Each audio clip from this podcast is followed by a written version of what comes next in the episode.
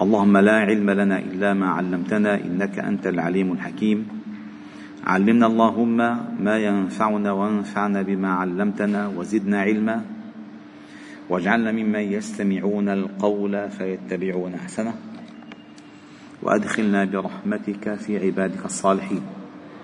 واجعل هذا المجلس مجلس ذكر وفكر وتدبر وعبادة. تنزل فيه علينا سكينتك وتغشانا فيه رحماتك. وتحفنا فيه ملائكة قدسك وتذكرنا في ملأ عندك.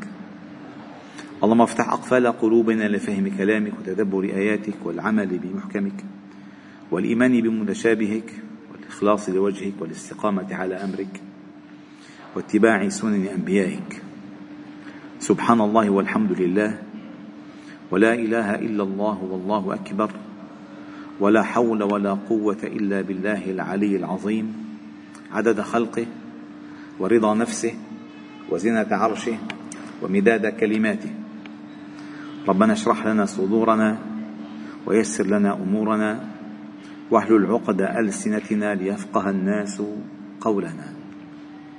اللهم افتح علينا أبواب الرحمة وأنطقنا بالحكمة واجعلنا من الراشدين فضلا منك ونعمة.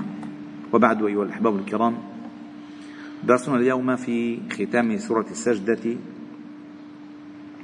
أحببت في هذا الدرس حبيبنا عميد أن نستعرض وإياكم هذه السورة اسم السجدة أولا نستعرض وإياكم معنى السجود أهمية السجود.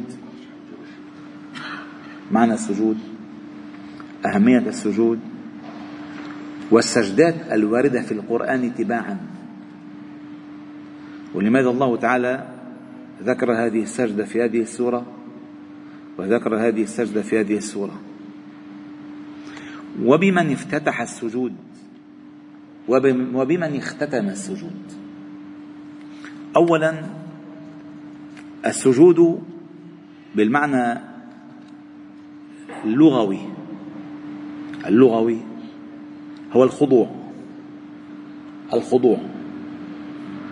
والمعنى الشرعي الاصطلاحي هو السجود على سبع.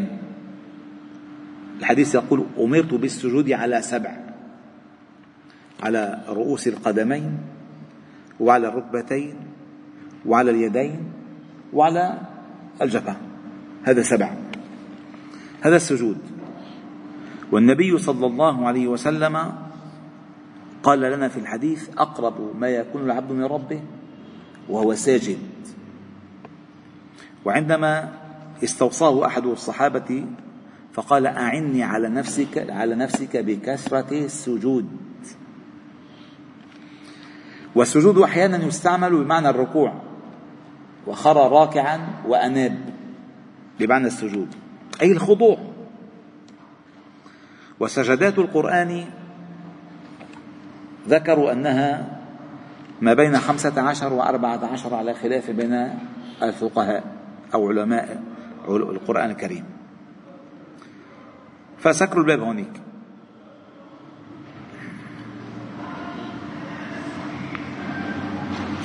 ما بين أربعة عشر وخمسة عشر سجدة.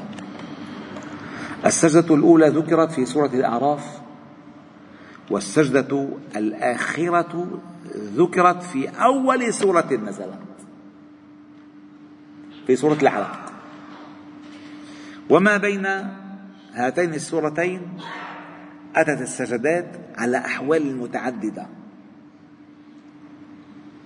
ولو فتحنا لها قلوبنا واستمطرنا رحمات ربنا وتوفيقه ومدده لكشفت لنا من خلال هذه السجدات أسرار هائلة هائلة. فسورة الأعراف التي فيها أول سجدة يعني تسع أجزاء تسع أجزاء حوالي 180 صفحة من قبل ما في سجدة. ما في سجدة. أول سجدة أتت في آخر سورة الأعراف بعد قوله تعالى وإذا قرئ القرآن فاستمعوا له وأنصتوا لعلكم ترحمون. واذكر ربك في نفسك تضرعا وخيفة ودون الجهر من القول بالغدو والآصال ولا تكن الجاهلين من الغافلين. إن الذين عند ربك لا يستكبرون عن عبادته ويسبحونه وله يسجدون. إذا افتتح الله تعالى السجود بالملائكة. وأثبت لهم العندية أي المنزل الرفيعة وهم لا يستكبرون عن عبادته وحالهم في سجود دائم. حالهم في سجود دائم. فأول سجود ذكر الله تعالى أهله هم الملائكة. والملائكة خلق لا يحصيهم إلا الله. ولا يعرف ولا يعرف حقائق وظائفهم إلا الله. وهم يعني الحديث ورد أذن لي أن أحدثكم عن ملك من الملائكة. ملك. نعم يا رسول الله حدثنا عن هذا الملك. قال أخمص قدمه في الأرض السابعة ومنكبه عند العرش ما بين شحمة أذنه ومنكبه مسيرة خمسمائة عام. كيف؟ ما لا نعلم. وقال أطت السماء وحق لها أن تئط ما فيها من موضع شبر أو قدم إلا وملك قائم أو راكع أو ساجد. كيف الط... مثلا أنت بتوقف على الخشب إذا طائر الخشب شو يعمل يطقطق يطقطق الخشب. قطط يعني طقطق طقطقت السماء كل ما طقلت طالت بالملائكة الساجدين الراكعين القائمين المسبحين. ما فيها موضع موضع شبر موضع قدم إلا وملك ساجد. خضوع لله. طيب. هؤلاء الملائكة افتتح الله تعالى بهم حركة السجود في أول سورة في آخر سورة الأعراف. عندما نسير ونكمل المسيرة في القرآن الكريم حتى نتصفح السجدات تأتينا السجدة الثانية في سورة الرعد. ولله يسجد ما في السماوات والأرض طوعا وكرها وظلالهم بالغدو والأصال. يا الله. ما ملائكة؟ هلا اختص الله الملائكة بداية لعلو منزلتهم. لأنه قال إن الذين عند ربك لا يستكبرون عن عبادته ويسبحونه وله يسجدون. هنا في آية الرعد التي كلها تعظيم لله يا أخي محمد. كلها سورة الرعد كلها تعظيم لله. من أولها إلى آخرها تعظيم لله. فقال ولله يسجد من في السماوات؟ من يعني المخلوقات العاقلة. من في السماوات؟ ولا نعلم إلا الله عددها يعني. ومن في الأرض؟ طوعا وكرها. طوعا وكرها. إن حتى الذي لا يستجيب لله هو سجن. بحقيقة أمره سجن لأنه خاضع لأمر الله ولقضاء الله. ما بس هيك؟ وظلالهم. إن يسجدون هم وظلالهم. فلذلك قال بعض المفسرين أن هذا الكافر الذي يأبى السجود ببدنه لله فظله ساجد غصب عنه. وساجد في الظل في الأرض. فعندما تشرق شمسه عندما تشرق الشمس لما تشرق الشمس أنت بتشرق عليك هيك. فعندما تشرق الشمس عليك ترى ظلك أمامك ساجدا. بتمشي بتلاقي مشي قدامك وين؟ أو أول شيء آخر شيء عنك ساجد. ها؟ وعندما تبدأ الشمس بالزوال وتنتهي للغروب فيلاحقك ظلك كذلك ساجدا. فأنت بالغدو والأصال سجد لله. وظلالهم. وظلالهم. من خلص سورة الرعد نمر على سورة النحل. لا نخليكم على ظلالهم. قال الله أولم يروا إلى ما خلق الله من شيء يتفيأ ظلاله عن اليمين والشمائل. شمائل. سجدا لله وهم داخرون ولله يسجد. ما في السماء؟ ما في من بقى ما في السماوات والأرض. من دابة يعني كل الدواب والملائكة وهم لا يستكبرون يخافون ربهم من فوقهم ويفعلون ما يؤمرون.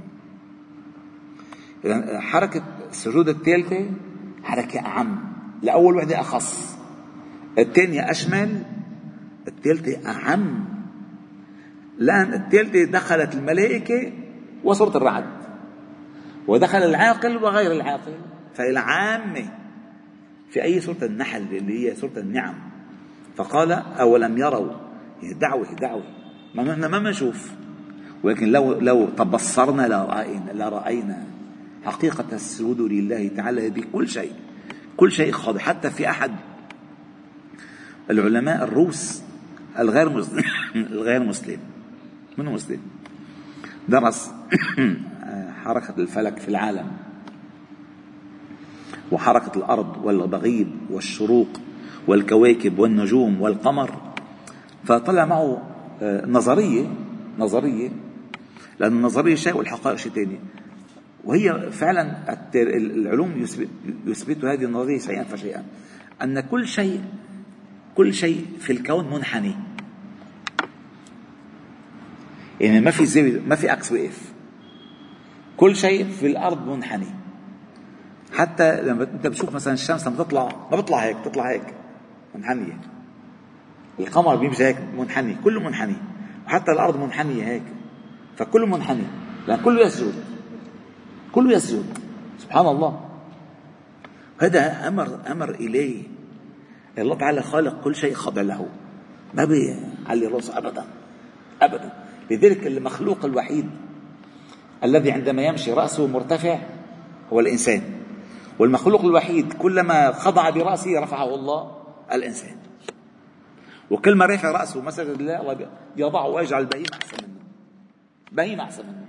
لما يضع رأسه لله يصبح أفضل شيء حتى ينافس الملائكة في السجود. طيب فالآية في سورة النحل قال أولم يروا إلى ما خلق الله من شيء؟ لما يأتي لفظ من شيء هذه اسمها نكرة بسياق العموم يعني تدل على كل شيء. يتفيأ يعني يلاحق. الفيء بلاحق. ظلاله عن اليمين والشمائل سجدا لله وهم داخرون ولله يسجد. ما في السماوات والأرض من دابة أي كل الدواب. والملائكة أي كل الملائكة وهم لا يستكبرون يخافون ربهم من فوقهم. لأنه هو القاهر فوق عباده. ويفعلون ما يؤمرون. هذه السجدة الثالثة. ننتقل على السجدة الرابعة. بينفتح لك لك الدخول الولوج في أسرار السجود. الحركة الطوعية. في حركة لا طوعية. كل ما سبق آه، حج قاسم كل ما سبق حركة لا, لا طوعية. جبلية موجودة. شئت أم أبيت الرابعة أتت في سورة الإسراء. الإسراء حركة طوعية. شو الطوعية؟ قال الله تعالى فيها وقرآنا وما أرسلناك إلا مبشرا ونذيرا وقرآنا فرقناه لتقرأه على الناس على مكث أي على هدوء على تؤده ورتلناه ترتيلا. قل آمنوا به أو لا تؤمنوا. إن الذين أوتوا العلم من قبله إذا يتلى عليهم يخرون للأذقان سجدا ويقولون سبحان ربنا. إن كان وعد ربنا لمفعولا ويخرون للأذقان يبكون ويزيدهم خشوعا. كل الأوصاف ما سبق ذكرها في الآية الثلاثة قبل. أبدا. الخاء الآن الخ... أول أول سجود خاص بالملائكة المقربين الذين عند ربك. رابع سجود خاص بالعباد المقربين الذين أوتوا العلم سواء من قبل من أهل الكتاب أو من اتاهم الله العلم من القرآن قال إذا يتلى عليهم شو بيعملوا؟ لا بر يخرون والخرور هو السقوط من فوق لتحت من فوق أي من قمة الغرور والكبرياء إلى بساط اليقين اليقين والإطمئنان والخضوع وفكر حول شيء. هو بيسمع برر بينزل دغري لحاله يخرون للأذقان. وعاد سبحان الله. عادة الإنسان بيسجد على جبهته بس كثر ما عم يشك وقع ضأنه. بالسجود بعد ما وقع ضأنه عمل سجدك للأذقان. سجدا ويقولون أي حالهم؟ سبحان ربنا.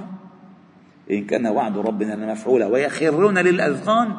حالهم الصفة الزايدة يبكون ويزيدهم خشوعا. لاحظوا ترتيب السجود بنعمل فيه بحث جميل جدا. مدرسة. لأن كل ما ينتهي سجود بلفظ يأتي السجود اللي بعده نفس اللفظ. نفس اللفظ. هلأ السجدة الخامسة سورة مريم. جميلة جدا سورة مريم. قال أولئك الذين أنعم الله عليهم من النبيين من ذرية آدم. وممن حملنا مع نوح. من ذرية إبراهيم وإسرائيل. ومن هدينا واجتبينا. إذا تتلى عليهم آيات الرحمن خروا سجدا وبكيا يبكون. صوت الإسراء يبكون. فأجت اللفظة بعد. قال وبكيا ولم يتكرر هذا اللفظ بكتاب الله أبدا. بكيا من ذكر إلا اللفظ. بكيا أي كثيري البكاء إذا شو؟ قال يخرون للأذ... سجدا وبكيا أي ساجدين بكليتهم باكين بكل ما من شعورهم. هذه السجدة الخامسة. السجدة السادسة نوع الحج. الحج فيها سجدتين. سجدة كما في سورة النحل سورة النحل أولم يروا سورة السجدة الحج ألم ترى أن الله؟ بس شوف التفصيل ما مذكور بغيره. ما في سجدة تشبه الثانية. صدقوني ما في سجدة تشبه الثانية. ألم ترى أن الله؟ ترى يعني روح فكر روح شوف روح شوف. ألم ترى أن الله يسجد له؟ من في السماوات ومن في الأرض؟ والشمس. طلع الشمس. والقمر. والنجوم. والجبال. والشجر والدواب وكثير من الناس وكثير حق عليه العذاب. ومن يهن الله فما له من مكرم. إن الله يفعل ما يشاء. فما أكرم العبد عندما يسجد. وما أهونه على الله عندما يأبى السجود. لذلك عندما يسجد ابن آدم يتنحى إبليس ويندم على نفسه فيقول أمر بالسجود فسجد فغفر له وأمرت بالسجود فعصيت فلعنت. هو ما ما سجد. سجد الله غفر له دغري ففي سورة في سورة الحج نوع سجود آخر. سبحان الله آخر. مختلف نهائيا. نهائيا. قال ألم ترى؟ أي ألم ترى ببصيرة علمك وقلبك وفكرك أن الله يسجد له من في السماوات ومن في الأرض والشمس. يعني راقب الشمس كيف تسجد؟ قال النبي صلى الله عليه وسلم لأبي ذر وكانت الشمس على وشك الغروب.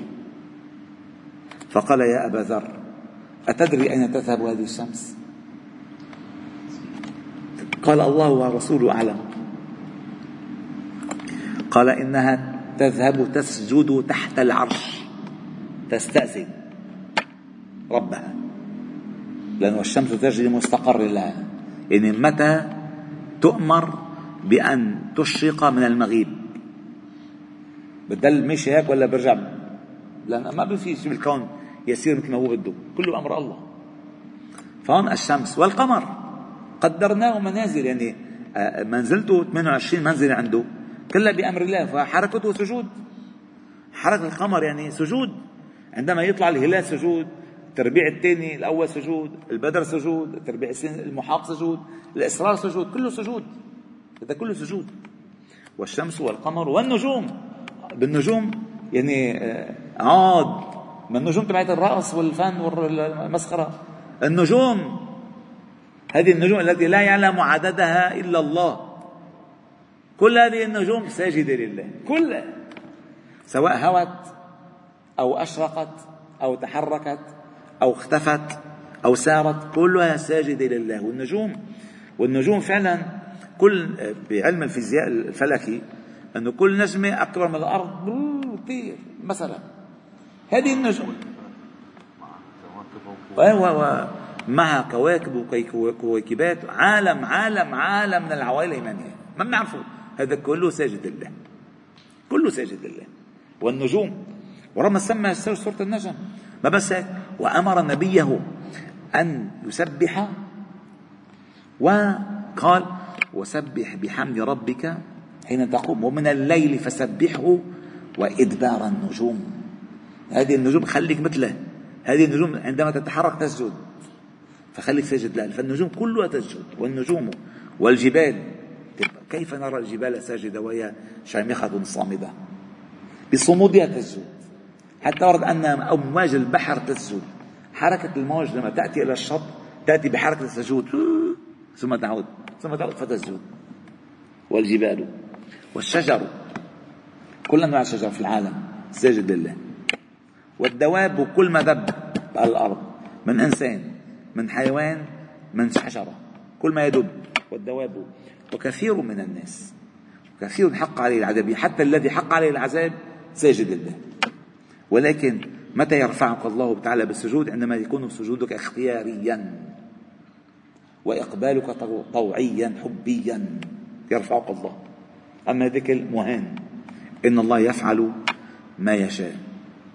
السجدة الثانية في سورة الحج. يا أيها الذين آمنوا خطاب مباشر بقى.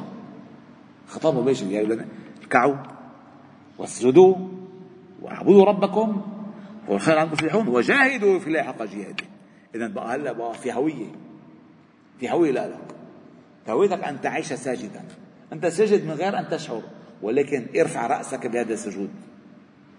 لأنك مع السجود في ركوع مع الركوع في فعل خير مع فعل خير في جهاد في سبيل الله. هذا كله أعمال السجود. كلها أعمال السجود. إذا أي سجدة صرنا لا؟ سبع تسعة؟ ثمانية خلصت ثمانية ما نخلص سورة الحج نروح على سورة الفرقان.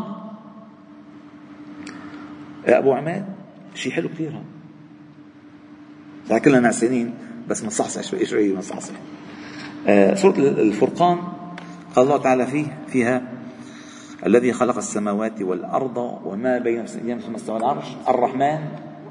آه فزع لا سياق الآية. ما استوى على العرش نشوف التعظيم. ما في آية مسكرة إلا بالسياق عشان نقدر قال ثم استوى العرش الرحمن الرحمن أي كل ما سبق وصف الرحمن هذا فعله.